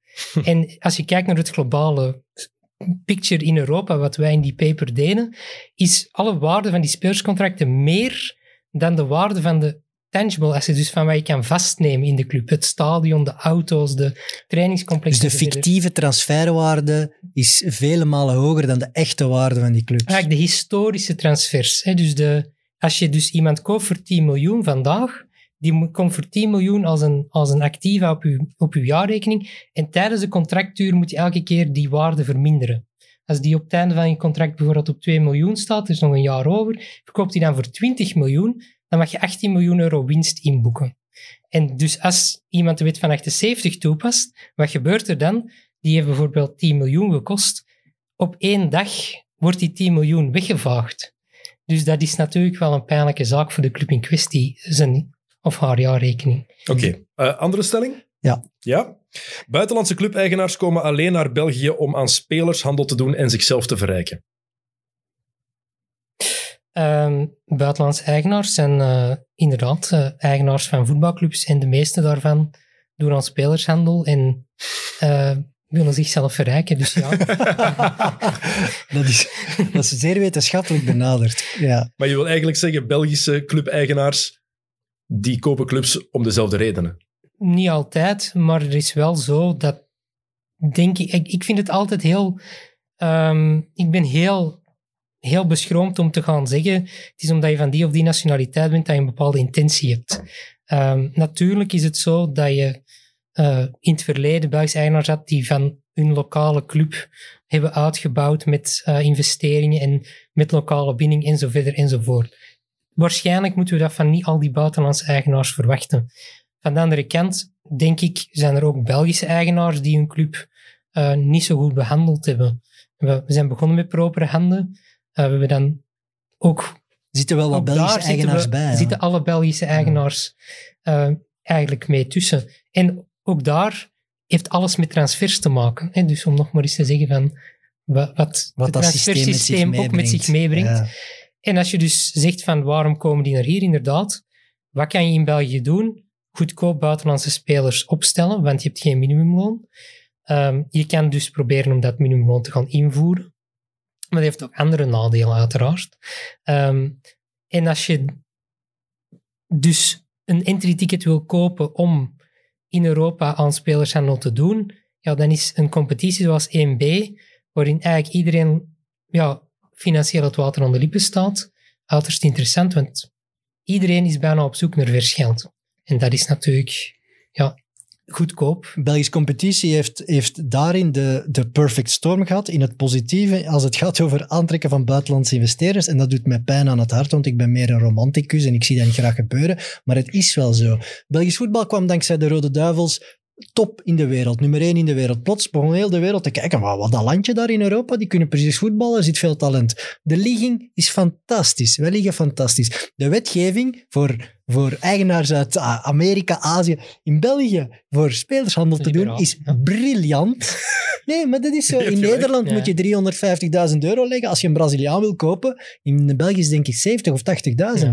Ja, dus dat is gewoon fantastisch. Ik weet bijvoorbeeld bij Manchester City, en, en dat weet ik uit heel goede bron, was een van de puntjes op de lijst waarom het Lommel werd, omdat de luchthaven van Eindhoven vlakbij was. Ja, dat, kijk, dat, is, dat vind ik, dat zijn van die absurde overnames die ik niet kan begrijpen. Ehm, wat ik mij afvraag is, die investeerders beseffen toch al, dat ze niet allemaal geld gaan verdienen in ons voetbal. Oostende, Beveren, Deinze, Lommel, allemaal schone Belgische clubs, maar die buitenlanders die pompen daar dan geld in, maar die krijgen dat daar toch nooit meer uit. Dus waarom doen die dat? Ja, dat was inderdaad een, een heel opvallend eh, dingetje met die overname van Deinzen, dat men zei, we willen binnen x aantal jaar in de top 5 in België spelen. Dat heb ik er nog Eh, horen zeggen. Hè? En niet iedereen kan top 5 in België spelen, Nee. want we zijn met te veel clubs daarvoor. Hè? Dus in, in dat opzicht is het, zijn sommige overnames in mijn ogen ja, logischer dan andere. En ik heb, denk ik, in België zijn er heel veel, zoals je zegt, hè, we ook, die die club kopen als deel van een netwerk voor spelers te stallen, voor spelers ervaring te laten opdoen. Monaco, Manchester City, maar ook mensen die gewoon een netwerk hebben van vier, vijf clubs. Die mensen waarschijnlijk zijn die vooral geïnteresseerd in ons liberale regime, goede bereikbaarheid voor scouts en zo verder. Dat is allemaal waar. Maar er zijn ook investeringen gebeurd door buitenlandse eigenders die denk ik wel ja, zinvol zijn. En bijvoorbeeld Paris Saint-Germain, om ze nog eens te noemen, vind ik persoonlijk een voorbeeld van een, ook een sleeping giant die ze hebben wakker gemaakt. Want de grootste stad van Europa, waar eigenlijk maar één club is, die club die stond vierde, vijfde in de Franse competitie. En dat dan was zeg je wel- Antwerp. Sleeping Giant. Ik zou Antwerpen kunnen zeggen, maar ik zeg het nu bewust niet, omdat, ik- omdat mijn eigen... maar dus inderdaad... Daar zit nog een economische realiteit achter. En er van- wordt ook in Ja. geïnvesteerd in het revenue potential. Hè. Door een nieuw stadion te bouwen, krijg je op termijn... Het, er is een mogelijkheid dat Antwerpen in de toekomst meer geld opbrengt dan vandaag. Ja. Die, En dat heb je bij Union ook nog wel. Maar er zijn er Denk ook waar je? je dat moeilijker ziet. Voilà. Maar er zijn toch clubs in België waarvan je weet, ja, dit is het en het zal niet meer Maar worden. die- dat is ook niet erg. Die gokken er misschien op dat wij met deze discussie de Pro League overtuigen om meer te delen met die kleine clubs. Ah, En dan... eh, ik, maar ik, ik, ik zag nu eh, Beveren bijvoorbeeld, is, is ook in Amerikaanse handen gevallen. Ehm, ja, Waasland Beveren, je komt op de freetiel als grote, als, als buitenlands investeerder en denk je, yes, now we got Beveren, we're gonna make some money. Allee, ik, ik, probeer me dat in te beelden, wat daar de gedachtegang van is, buiten dat je alleen maar kan denken, dat moet iets louche zijn, toch? Er zit in elk geval het revenue potential van dat stadion. Het is zo, dat is klein. En die lokale markt waarschijnlijk ook. En dat is niet om eender welke ploeg in België in, eh, in discrediet te brengen of zo, maar Dat is gewoon er zijn zo. gewoon Ja. kleine markten bij. Voilà. En die, die mensen zouden niet investeren in de andere KMO's die in Bever actief zijn, want dat is uiteindelijk zo. Het voordeel dat die, dat die voor die balans is, is gewoon ook bijna gratis. Het, het wordt, van, er wordt van hen ook bijna niks gevraagd. Als je gewoon al bereid bent om de schulden erbij te nemen, Dan zien ze je al graag dan zien ze wel komen. graag komen. Het En is sowieso te een koopje makkelijk. voor buitenlandse... Ja, het is te ja, makkelijk. en ja. in sommige... is het te gemakkelijk of niet? Ik denk dan van, die clubs zouden in der, op een lager niveau spelen zonder die buitenlandse steun.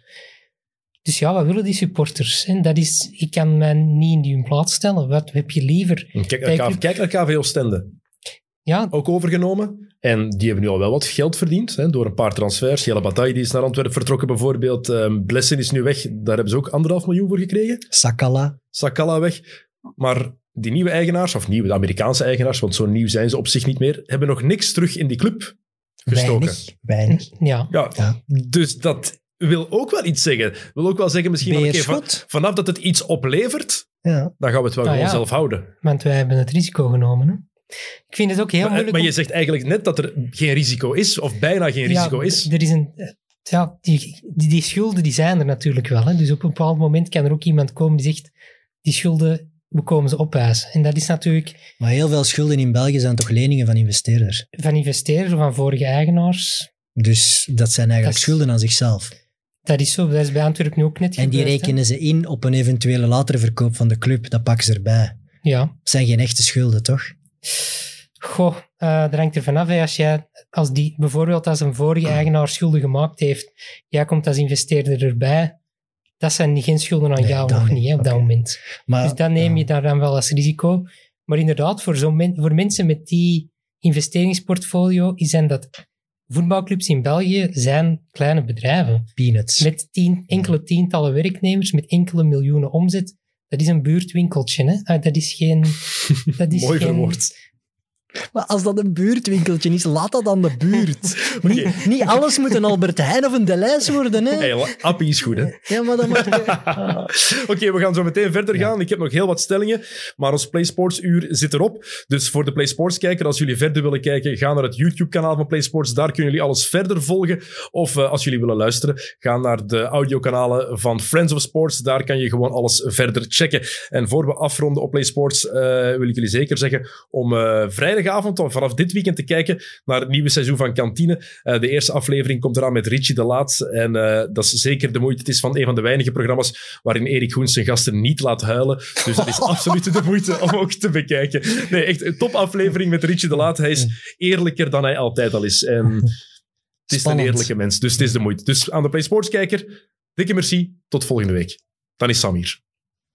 Oké, goed. Wij gaan verder voor de YouTube-kijker en voor de luisteraar, voor de meerwaardezoeker. Ah, wel, maar we zaten midden in een inter- interessante discussie, want ik had natuurlijk Beerschot niet, nog niet genoemd. Die hebben zich helemaal opgeworpen vanuit eerste provinciale, was het zelfs, denk ik. Eigenlijk met de kracht van de fans, omdat daar En 6000... met de kracht van Wilrijk, om- ja, en omdat, Wil- worden. dat daar 6000 zotte fans zeiden, wij pakken ook een abonnement in eerste provinciaal vierde Ja. klas. Daarom had die club potentieel. Die werpen zich helemaal op. En vanaf het moment dat die in de profliga kwamen, hebben die een Saoedische investeerder binnengelaten, die nu eigenlijk er niets mee doet. Die die club terug gaat laten degraderen. Heeft dat bij Sheffield gedaan. Ik denk, Châteauroux staat er ook niet goed voor. Het zit allemaal in die man zijn portefeuille. Wat is de bedoeling? Dat moeten fans denken toch van, oh jongens, wij verkopen onze club aan een Saoedi, een club die we met ons eigen kapitaal, met abonnementen hebben opgebouwd, die verkopen wij aan een gast waarvan we niet weten wat hij ermee van plan is. Ja, dat klopt. En die er niet om geeft, of om lijkt te geven. Lijkt te geven. En dat is toch enorm frustrerend. Dus dat model van die buitenlandse eigenaars is Wat- toch vaak Wat niet ook, goed. Wat ook, denk ik, bij Beerschot... Ik vind het moeilijk om over Beerschot... eh, hè. ik zal... eh, Als Antwerp supporter. Gewoon als economisch het dat is heel gemakkelijk om ze tegen de, de, de schenen te stellen. Ehm, wat inderdaad heel vreemd is, is Beerschot is op zich een club die ruim groot genoeg is om in 1A te spelen en break-even te draaien en zich geen zorgen te hoeven maken, denk ik. Dus Met die is het, achterbaan, ja. het, het is ook raar waarom... In, het is eigenlijk geen typisch target voor zo iemand, want je zou denken, die club heeft eigenlijk geen, geen lopende tekorten nodig om op dat niveau te acteren. En dat is, denk ik, dat zij failliet zijn gegaan met hun vorige eigenaar, was op zich ook misschien al wel vreemd, want zij hadden volgens mij ook het potentieel om toen op dat niveau te acteren, dat ze toen bereikten. Is het dan omdat alle concurrenten rondom hun eh, het wel doen. En Dat, dat is omdat dat- hij in een paars berenpak naar de grote markt is gegaan. Dat is de enige reden, Evert. Nee, maar Hoogmoed. Kijk, ondertussen, ik noem het bijna unicorns. Hè, Belgische profclubs die nog in handen zijn van volledig Belgische investeerders. Ja. Het is een zeldzaamheid aan het worden. Dus die ploegen zitten in een soort van red race. Hoe lang kunnen Gent, Genk, KV Mechelen, Waregem het nog uithouden zonder hun club Ja, te Ze verkopen? krijgen ook geen hulp. Hè? Dus het is ook niet, zoals we het al eerder bediscussieerd hebben, er is ook geen echt plan om van 1B een competitie te maken waar het goed toeven is. Het wordt alleen maar erger, lijkt mij. En dat is dus ook... Het, het is een vage vuur in zekere zin. Iedereen wil er zo snel mogelijk weg. Bijna geen enkele club maakt een budget met het idee dit is onze plek in de wereld, in de piekorde. Hier horen wij thuis. Iedereen wil daar zo snel mogelijk weg, maar dat kan niet. Want sommige clubs moeten daar nu één keer spelen in, ons huidige, in onze huidige piramide. Dus hoe lang, hoe, lang kunnen die clubs uit handen blijven van buitenlandse eigenaars in het huidige voetbal? Maar ik denk degenen die groot genoeg zijn, die kunnen gewoon met hun lokale inkomsten eigenlijk doen wat ze moeten doen. En dat zien we dan ook dat de grootste clubs in België het langst uit handen blijven van. Wie is er niet in handen van buitenlandse investeerders? Nou, de G. Alles vanaf de middenmoot, ja. Standaard zal nu misschien als een van de grote vallen. Hè, omdat die nu echt wel in de problemen zitten. Maar ik vind het wel, ik vind het wel een bijzonder... Allee, ik zie het niet... Dan kijk ik vooral naar Mechelen en Waregem. En ja, daar, daar heb ik echt schrik voor. Oké, eh, volgende stelling. Ja. Ja, we gaan een beetje verder gaan. Hè. De fiscale voordelen voor onze voetbalclubs zijn gerechtvaardigd. Dat vind ik dus moeilijk, want ehm, dat is eigenlijk een vraag voor politici, vind ik. Eh, die moeten de voor- en de nadelen afwegen. hoe, zie jij, hoe, de- hoe bekijk jij dat als econoom? ik, ik vind het huidige systeem, als je iets wil doen voor het voetbal, vind ik het huidige systeem geen logisch systeem. Eh, waarom niet? Het bevoordeelt. En dat is opnieuw het ding. Stop geld in voetbal. Het gaat uiteindelijk naar hogere spelerslonen. Stop 2 miljoen in elke club. En de spelerslonen gaan op termijn 2 miljoen hoger uitvallen. Dus in die zin, als je dan wat wil doen voor het voetbal, moet je kijken van welke clubs worden er hier beter van. En ons systeem dat we nu hadden, zorgde er vooral voor dat de grootste clubs het meeste voordeel daarvan hadden. De mensen met de hoge lonen hadden meer voordeel. Dus in dat opzicht is het een vreemd systeem. Want je zou verwachten dat de overheid het opneemt als ze dan toch wil subsidiëren voor bijvoorbeeld de sportparticipatie te verhogen of voor de jeugdwerking te ondersteunen, om allerlei dingen te doen waar wij als economen zeggen, daar zit waarschijnlijk eh, een rol voor de overheid om dat te De stimuleren. maatschappelijke meerwaarde. Terwijl dat het spelen van de Champions League door Club Brugge één of twee rondes, ja, dat is iets vager van wat is nu daar de maatschappelijke meerwaarde van. En ook het geven van kansen aan Belgische spelers, daar zijn heel veel eenvoudigere en goedkopere dingen voor te bedenken dan Club Brugge en Agent en Anderlecht een serieuze loonkorting te geven. Oké, ik ga erop inpikken met een andere stelling. Ehm, om ons voetbal gezond te maken moet de wet toegepast worden, maar dat zal nooit helemaal gebeuren. Wel, het probleem is ergens dat als wij de wet toepassen, dat natuurlijk, en dat hebben ook al verschillende mensen gezegd, dat wij de enige, de, de only fool in the village zouden zijn, want eh, de andere landen rond ons subsidiëren hun clubs ook op allerlei manieren. Hè. De gratis stadions, gemeentegrond die onder goede voorwaarden wordt verkocht, in Madrid bijvoorbeeld, hè, famous case. Ehm, dat zijn het soort dingen die overal gebeuren. Voetbalclubs hebben overal een goede eh, overal een Een goede, lobby. in de opinie. hè. Dus dat ja. is, eh, dat is niet alleen bij ons zo. Er zijn weinig bedrijven in België die zo bekend zijn als onze voetbalclubs, ook al zijn ze economisch gesproken lang niet onze grootste bedrijven. En dat is een beetje... Een voetbalclub is veel mediagenieker en veel bekender dan ze eigenlijk economisch zwaar weegt. Je, je, hebt, je hebt daar straks de link ook al gelegd met de politiek en voetbal. Ja, als je kijkt, ik denk aan Jean-Luc de, Hane bijvoorbeeld. Wat, wat, wat is het eerste waar je aan denkt bij Jean-Luc de Hane? Club Brugge supporter. Je denkt niks aan wat hij verwezenlijkt heeft. Het is zo'n Maar ik denk machtig... financial is- fair play dan. Is dat, is dat, ja, maar vanuit jouw standpunt snap ik dat. Maar ik wil maar zeggen, voetbal is zo'n machtig wapen. Ja.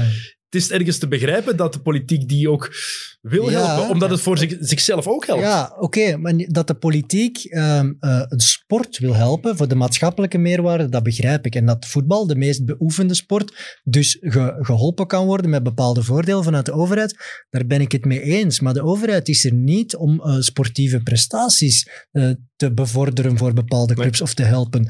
Het is het bekende voorbeeld van de RSZ-bijdrage van Mignolet ten opzichte van een kuisvrouw. Ja, daar is de overheid toch niet voor. Als de overheid dan de sport wil steunen, dan moeten ze er toch veel slimmer over gaan nadenken. Dat, dat het geld dat ze dan als steun geven, dat dat inderdaad wordt geïnvesteerd waar, waar heel de maatschappij iets aan heeft. Laat iedereen eens een goede community working doen. Laat iedereen eens een mooie jeugdacademie uitbouwen. Ja. Laat, laat eens in vrouwenvoetbal investeren. Laat dat soort dingen dan de voordelen zijn. Dat kan ook een afschrikkend effect hebben op die buitenlandse investeerders, waar we het al heel tijd over hebben. Hè, want als je... Nu verbindt je de voordelen eigenlijk alleen aan betaal je spelers veel en het voordeel wordt groot. Je verbindt ze eigenlijk aan weinig andere zaken. Terwijl dat je zou kunnen zeggen van, kom in België om te investeren en investeer in uw jeugd, investeer in uw lokale werking, investeer in dat. Daar zit ervoor, dan krijg je belastingvoordeel. Want het buitenlands geld afslaan, zeggen tegen clubs die het financieel moeilijk hebben, jullie mogen dat geld niet aannemen, terwijl dat je dan wel belastingvoordeel geeft aan hun concurrenten. Ja, dat is, Dat ook- is natuurlijk, ja, dat is een moeilijke kwestie. Ik vond het zeer opvallend. hè. Jean-Louis Boucher eh, was, was natuurlijk eh, de, de, de voetbalpatser bij uitstek. hè. Je ziet die zo rondlopen in Skybox 23 van elke grote club in het land. Ja, die loopt er zo binnen. Je ziet het gewoon. Dat is zo'n man die met de bobo's in Qatar eh, voor de Rode Duivels gaat supporten. Eigenlijk zo'n- Voetbalmannetje, hè, die in een normaal leven Zich misschien... populair maken door voetbal. Ja, in een normaal leven zou dat een hockeyjongen zijn. Hè? Maar omdat voetbal de populairste sport is en hij een politicus is, moet hij naar het Excuses voetbal. aan alle hockeyfans. Dat is waar. Maar dus, en dan, die, die, die blaast dan ook van de toren om, om tegen eigenlijk de, de gemeenschappelijke consensus in te gaan. Ik vind dat bizar. Maar wat ik nog bizarrer vond, is dat er heel veel stemmen in dat debat aan die kant stonden. Ik zag zelfs een, toch een serieus, een sterk lobbystuk van Peter van den Bemt, die ook nog wel die fiscale voordelen ging verdedigen zoals ze nu in elkaar zitten. Ik, vind dat, ik, vind, ik vond dat raar. Maar dat is uit schrik vaak, ik denk dat het meer uit schrik is om kwaliteit te verliezen. Om, Of om meer, nog meer kwaliteit te verliezen. Uit schrik om Maar is dat de taak van de terug- overheid? Dat zich Brugge niet, twee spelers denk- extra kan pakken. Nee, maar dat is volgens mij wel de ingesteldheid van Peter bijvoorbeeld, waarom hij zoiets schrijft. Dat schrik van, we Ah. gaan een Simon Mignolet niet meer naar België kunnen halen als hij nog op dat niveau kan keepen. Maar dat klopt ook, die bezorgdheid klopt deels. Waarom is dat zo belangrijk? Net omdat UEFA een systeem gecreëerd heeft waarin onze clubs worden afgerekend op hun Europese prestaties. En tegelijkertijd een systeem dat ervoor zorgt dat onze clubs fundamenteel een handicap hebben om die prestaties te bereiken. Maar wat Evert dan vraagt, is het dan inderdaad de taak van onze overheid om die daarin te helpen? ik zou zeggen, de overheid kan op veel goedkopere manier onze clubs veel harder helpen. Door, hè, wat we al bediscussieerd door te zeggen van, we gaan eens kijken, goed kijken naar wat UEFA allemaal doet. We gaan eens goed kijken naar, maar die politieke wil lijkt er dan veel minder te zijn. En dat vind ik dus wel een, een gemiste kans. Bijvoorbeeld zou het al fair eerlijker zijn als het- de overheid zich mee achter nieuwe stadions zou zetten. Zouden we dat wel aanvaarden? Dat ze stadions voor bepaalde clubs mee gaan ontwikkelen. er is wel, hey, financial fair play laat eh, de overheid twee dingen doen. Dus in principe, de Europese Commissie heeft financial fair play ook een, een stempel van goedkeuring gegeven, omdat er in financial fair play eigenlijk staat dat de overheid ook niet mag tussenkomen om lonen en andere tekorten op de voetbalbegroting bij te werken. Dus in dat opzicht zou je bij onze regeling zoals ze was al fameuze vraagtekens kunnen zetten. Waarom is dit financial fair play proof? Ja. Als die overheid dat toch wil doen, mag ze twee dingen doen. Dat is stadions en jeugdwerking.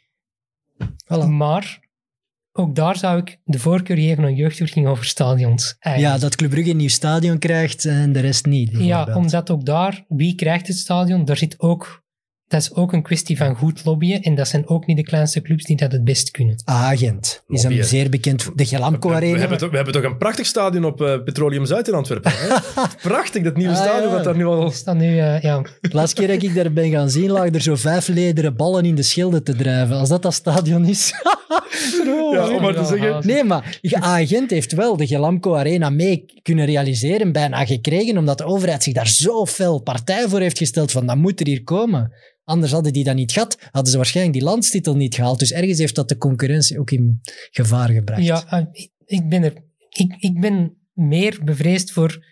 Ik vind iedereen moet een gelijk speelveld krijgen. En hoe meer soms wil de overheid door goedmenend beleid, zorgt ze er net voor dat dat gelijk speelveld wordt ver, eigenlijk vernietigd. Hè.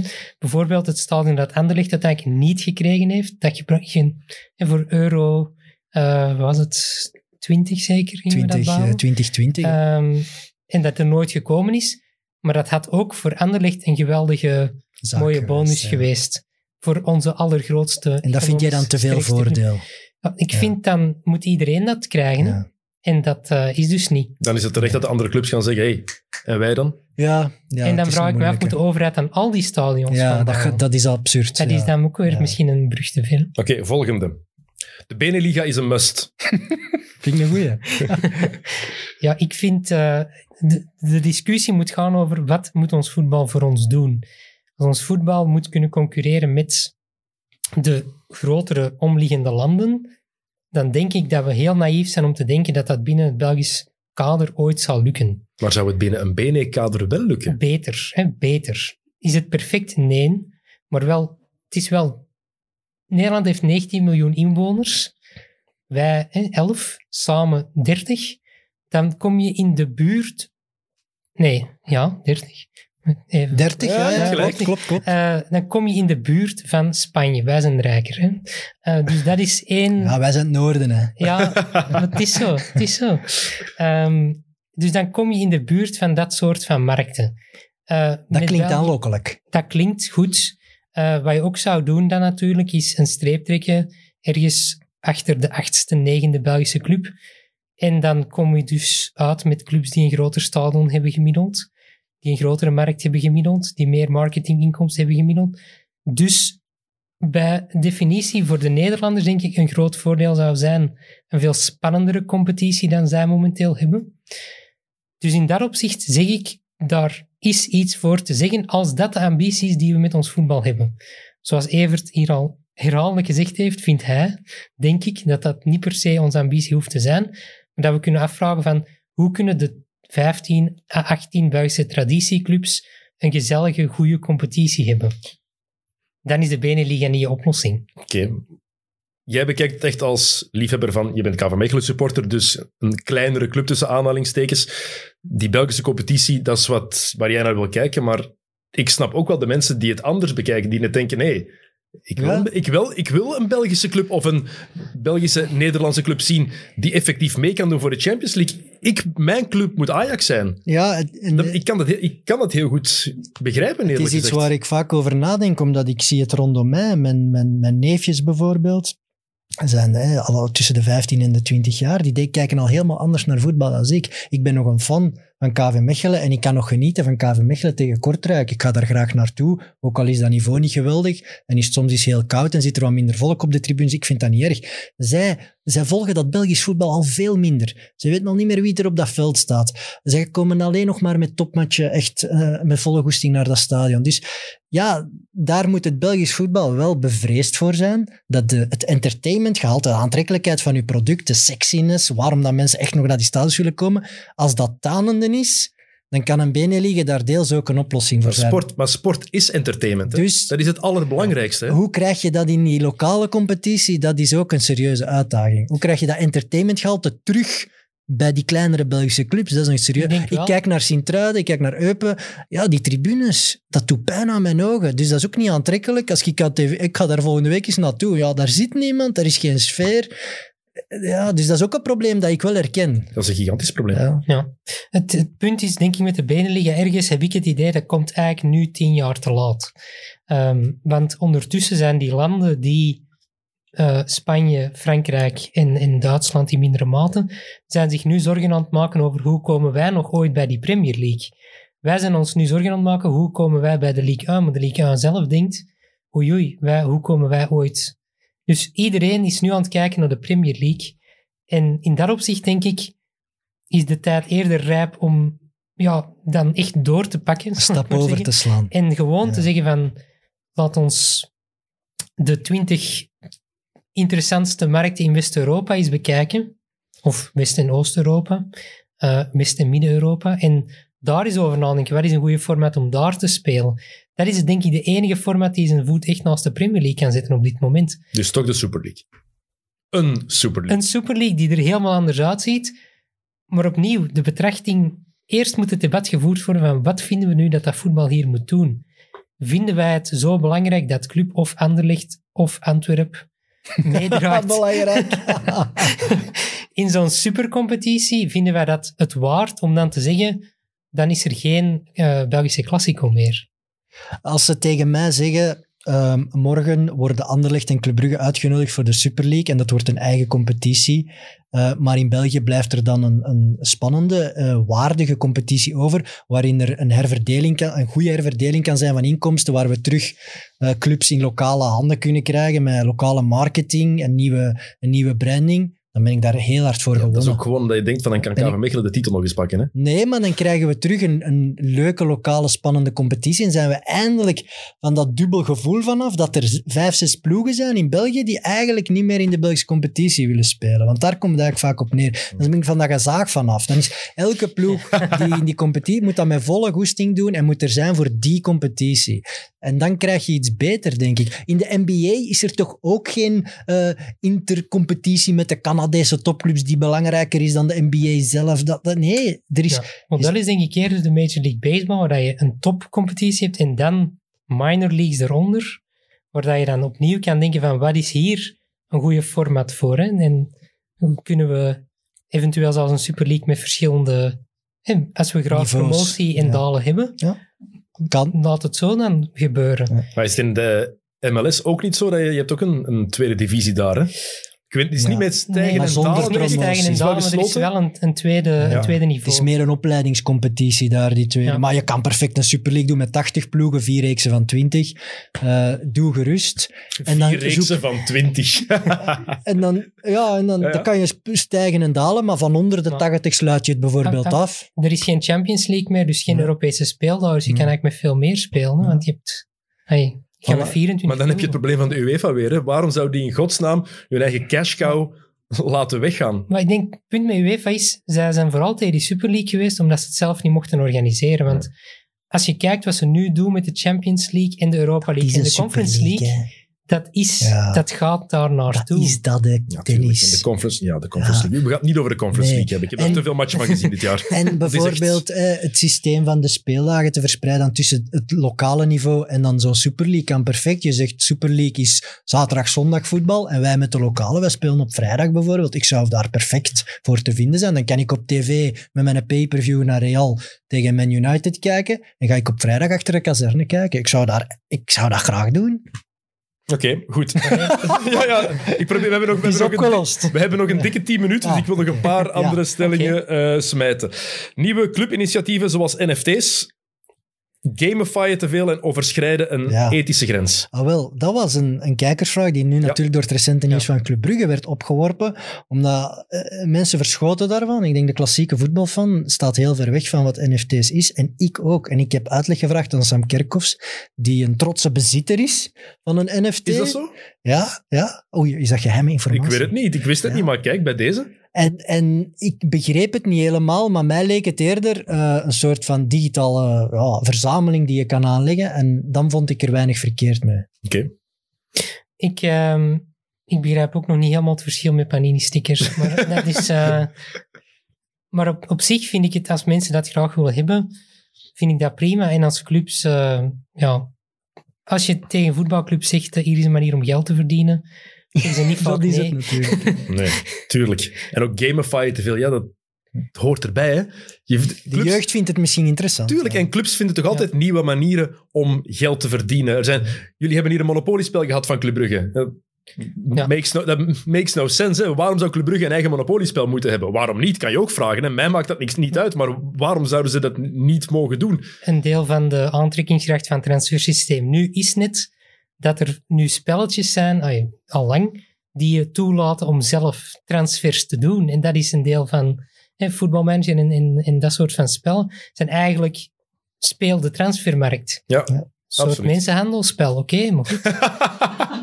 Ik moet dat... Kunnen we ook Zou een betere naam zijn. Hè? Mensenhandelmanager. Men, menshandelmanager, nu exclusief. ja, oké, volgende stelling. Ah, dat vind ik een goeie. Ja, heel mooi. De sponsorinkomsten bij de clubs zijn de afgelopen vijf jaar gestegen, maar ze zijn quasi allemaal eigenaar gerelateerd.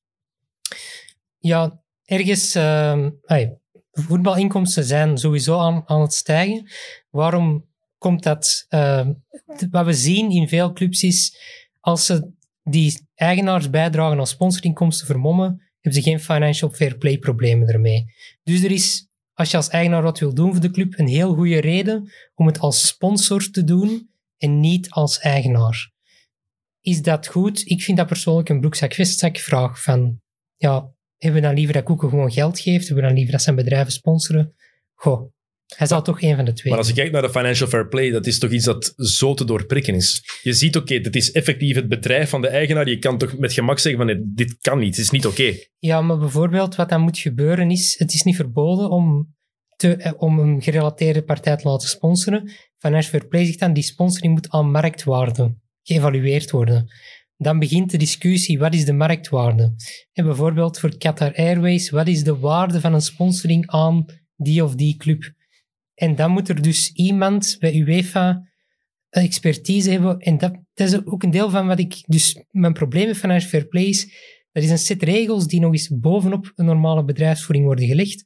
En die set regels brengt dan op zichzelf weer complicaties mee, waar misschien op voorhand niet helemaal is over nagedacht. En dat leidt dan opnieuw tot juridische processen. Dus je, hebt, je, plaatst regels op regels op regels op regels. Dat is ook met transfersysteem zo. Omdat je transfersysteem hebt, heb je geen het third-party ownership. De speler is eigendom van zijn makelaar in plaats van van de club. Het idee dat je een speler half kan verkopen. En, en je, in Italië is een systeem dat ik leen jou een speler en je koopt hem al voor de helft van mij. En als het meevalt, koop je de andere helft. Dat soort van dingen zijn nu dan verboden. Niet tevreden, geld terug. Ja, maar waarom, waarom moeten die verboden worden? Omdat er uitzonderingsregels worden bedacht in de eerste plaats. Dus Ja. ik denk dat er al genoeg regels zijn. Ja, eh, Mijn, mijn bedenking daarbij. ik, ik zou het graag willen weten wat eh Derby, Adventure Park en Snowworld betalen aan Anderlecht voor al die boarding en zo. Is dat zwaar boven de markt? Ja, dan is dat ook weer financiële doping. Hè? UEFA zal het weten en zal er een te gepaste tijd een oordeel over proberen vellen. En dan zal misschien Mark Koeken er niet mee akkoord zijn en zien ze elkaar in de rechtbank. Maar En, zo En dan weet het Mark Koeken. Ja, De clubs winnen meestal, hè, als het Ja, daarop maar ook- aankomt. Kijk naar Man City. ja, maar dat was zelfs nog de arbitragerechtbank. Ja. Dus dat is zelfs nog geen burgerlijke rechtbank. Eh, Man, City, Man City PSG heeft het ook afgekocht, denk ik, met een boete. Maar zelfs eh, UEFA gaat niet keihard kunnen optreden, want ze hebben net graag dat de Marokkoeken veel geld in hun sport steekt. Absoluut. Dus ja, dat en, blijf je... en zij hangen vast. bijvoorbeeld, hoe, hoe geloofwaardig is het dreigement dat UEFA echt een van die absolute topclubs uit de Champions League zou zetten? Dat ze echt zouden zeggen tegen de meest vooraanstaande. Engelse of Franse club: jullie mogen twee of drie jaar niet meedoen. Maar dat is waar we mee begonnen zijn eigenlijk. Hè? Propere handen. De KBVB gaat niks doen tegen die clubs, want ze schieten in hun eigen voet. Het is exact hetzelfde. Ja. Als de UEFA Man United of Real of. PSG uit de Champions League zet, ja, dat is een gigantisch probleem voor hen als organisatie. Want waarom kijken mensen naar de Champions League? Om die topploegen te zien spelen, toch? Ja, en dat is dus volledig ten nadele van de concurrentie van middenkleine, kleine clubs. De zo blijft regelgever het, heeft ja. twee pitches op. Ja.